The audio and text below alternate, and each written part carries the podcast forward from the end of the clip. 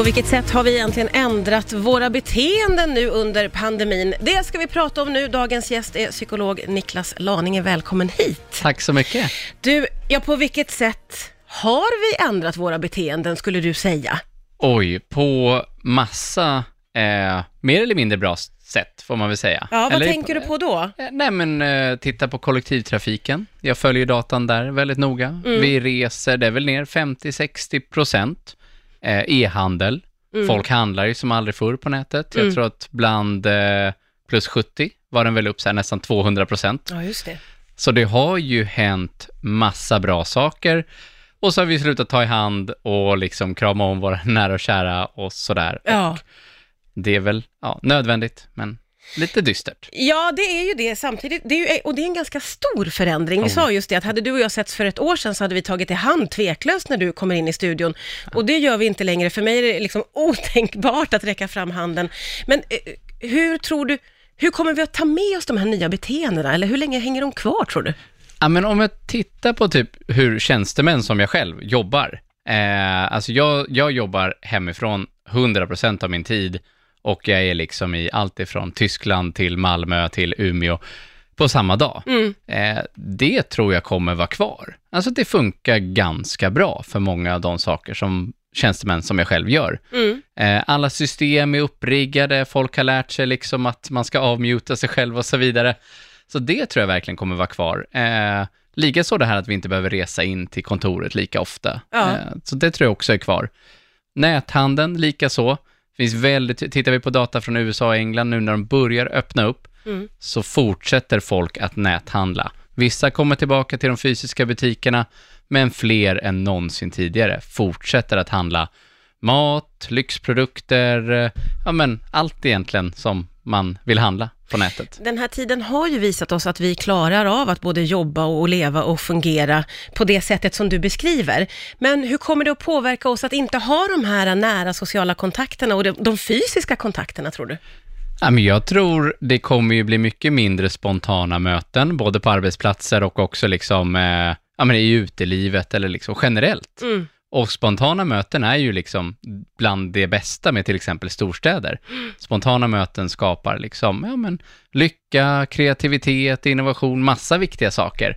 Och det kommer ju bli mycket mer planerade träffar numera. Mm. Och då kommer det kanske inte skapa liksom lika så här oväntade kopplingar och oväntade idéer och så här, spontant trevligt helt enkelt. Så Nej. det, det, det kan jag verkligen sörja. Ja, det känner man ju att man kommer att sakna något alldeles oerhört. De där grejerna är ju nästan det bästa. Ja, ja, När verkligen. det bara ja, men uppstår verkligen. ett sånt möte. Ja, verkligen. Och vi har så mycket att prata om att vi pratar oavbrutet här i studion, även under låtarna.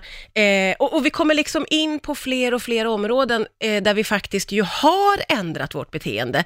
Och resandet är ju också ett sånt som, där vi har lagt om Ja, men nästan helt och hållet under det här året. Ja, ja, gud ja. Alltså hemestertrenden som vi såg förra, eller som vi såg i somras.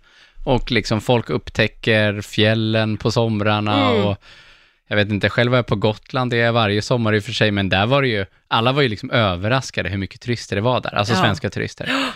Eh, så det där tror jag verkligen, nu kommer vi få, tror jag, en sommar till. Med Av liksom- hemester. Hemester, reserestriktioner. Jag skulle inte boka några liksom sommarresor utomlands, utan Nej. jag tror att det kommer, ja men återigen vara så här, vi upptäcker skärgården, vi upptäcker liksom Norrland, Skåne och så vidare. Och när vi har liksom gjort det en gång så har vi gjort det två gånger. Och tror att det kommer bli lite så här återkommande Ja. destinationer. Vissa vet jag i mitt ska prata om så här, ja men alla barn som liksom är ute nu i skärgården eller så här får, vi- får vara i Sverige. Det är ju så här vanor som kanske kan sitta i för flera generationer.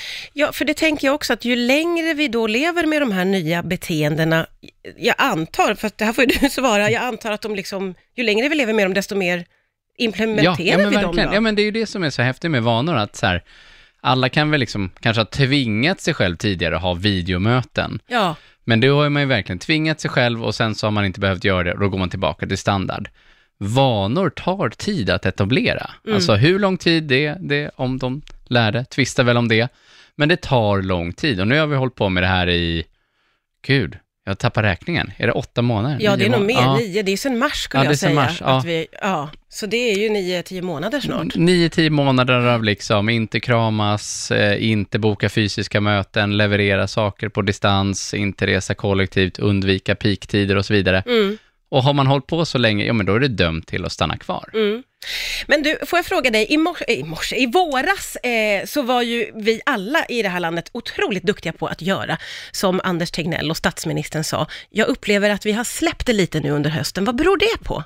Ja, men det, det, jag och mitt skrå, vi beteendepsykologer, var ju ute och liksom vevade om det här i, redan i mars. Och redan i mars pratade vi mycket om studier kring att så här, redan nu, låg följsamhet hos unga vuxna, men man kan förvänta sig en låg följsamhet hos alla i takt med att vi egentligen så här, ja, men vänjer oss vid de här inslagen i det fysiska rummet. Mm. Vi vänjer oss med att höra att det är krisläge, vi vänjer oss med de här lapparna som säger två meter, ta hand om varandra, hej och hå. Så till och med liksom att vi vänjer oss vid att se handsprit lite överallt och kanske inte ens noterar dem längre. Så ser man vi har ju sett samma sak med liksom reklam i det offentliga rummet. Mm. Eller på, i digitalt också. Alltså man sållar bort det per Ja. automatik. Ja. Och det pratade vi om där i mars och det verkar ju lite som att det är det som delvis har hänt nu. Men så den här tillslappningen, är det nästan omedvetet från vår sida menar du då? Ja men absolut, absolut. Alltså, och det är ju, jag menar, inte en dålig överlevnadsmekanism i vanliga fall. Nej. Att människor, ja men statiska inslag i vår miljö som inte ja, visar någonting nytt, de så här vänjer vi. På psykologspråk säger vi habituerar till det. Mhm. Så vi habituerar till den typen av psykologspråk stimuli, alltså den typen av liksom intryck. Ja. Och eh, blir det ingen förändring, och det har inte blivit, alltså det är ju samma budskap, samma klisterlappar, mm, mm. samma taktiker, då kanske det inte är så konstigt att vi slutar reagera. Mm. Eh, innan här, det här var ju, det är första gången jag hör någon säga det här, att eh, vi har liksom, under hösten så har vi blivit lite sämre på att följa restriktionerna och det är för att ja, vi, vi är så vana vid situationen att vi har slappat till lite helt enkelt. Men vad skulle krävas, Niklas, för att vi ska skärpa oss igen? Ja, men eh, framför allt en rejäl liksom, omstrukturering av de här eh, ja, men typ risksituationerna eh, som de pratar om. Gym, restauranger, nattklubbar, matbutiker. Inte eh, lite så här kreativa klisterlappar, utan alltså någonting som jag var ute och pratade om i, i mars, april ungefär, var ju så här enkelriktade matbutiker. Eh, enkelriktade vandringsledare hade vi som på förslag nere i Skåne Mm. tydligare liksom blockerare. Jag såg i en restaurang i Tyskland tror jag som hade små så här växthus som de hade delat in alla bord i. Ja, ja, ja. Eh, och jag kommer ihåg när jag liksom visade de bilderna där någon gång i april för folk att så här, men det här är typ det. Folk tyckte jag var helt galen. Ja. Att Det är så här, men gud, vad kostsamt, jättekrångligt. Mm. Det räcker inte med liksom de här lapparna och vi har ju skyltar. Sa, det här är det som kommer behövas Ja. om ni som restaurang ska ha kvar era kunder på ett säkert sätt. Så då behöver man mer liksom avgränsningar och bommar och stoppsignaler, Absolut. blinkande skyltar vad jag förstår på dig. för Ja, men verkligen. har N- liksom- ja, nummerlappssystem på liksom kaféer, uthämtning, alltså det, det är ju tyvärr så inskränkande man ska vara om man ska Ja. förändra väldigt, väldigt många miljoner människors beteenden. Ja, just det. Och du tror då att det här skulle behöva vara eh, nästa steg för att vi ska riktigt ta till oss restriktionerna? Ja, absolut. Alltså, nu har ju, får man väl ändå säga, liksom de som styr landet tagit eh, nästan det allvar, alltså när man verkligen har gått ut och sagt att det är allvar, stäng skolorna igen, åtta personer och så vidare. Mm, så det är ju ett kraftigt liksom, symbolvärde. mm. Men eh, jag vet inte hur det ser ut. Jag tänker att det kanske ändå är folk på restauranger lite sådär fortfarande. Ja, Så ja det- och i köpcentrum och annat. Ja, men det, jag precis. tror ändå att det är så. Nu får jag fråga eh, en lite konstig fråga, men jag måste bara få ur med den här. Hur pass hotade måste vi vara för att följa restriktionerna till punkt och pricka, om du förstår min Ja, nej, fråga? men, nej, men det är jättebra. Alltså om man tittar på de som var väldigt följsamma redan i mars och som var, ja, men hade stenkoll på vad, vad man måste göra och följde det, så var det ju så här, ju, ja, men, ju tydligare att man var i en riskgrupp, desto bättre var man. Ja, Så, så liksom för pensionärer, 70-plussare, där har det ju inte varit ett problem. De har verkligen liksom gjort sitt. mm, Medan den gruppen som kanske inte upplever sig som att vara i en riskgrupp, typ unga män, och, och tjejer för den delen också, men unga män har varit, eh, de sticker ut i Ja. mätningarna. Det gör de verkligen. ja. Så det man ska säga är så här, hur hotad ska man vara? Men det ska finnas, alltså hur direkt känner man att det här är hotat? Hur påtagligt är det? För jag menar, alla på något sätt vet ju att är man ute så kan man ju riskera att liksom Mm. smittas och det är lång inkubationstid och allt det där vi vet. Mm. Men det är egentligen så här, vad för det med sig för direkta negativa konsekvenser? Så det är det liksom, hur påtagligt är det? Mm. Och för unga människor så är det ju ändå, alltså, det känns ju inte kanske som ett så pass allvarligt Nej, hot nej. som det gör för, för diverse riskgrupper liksom. Ja, så är det ju. Jättespännande att få prata med dig om det här. Tusen tack för att du kom hit till Rix FM, Niklas Laninge. Tack för att du fick komma.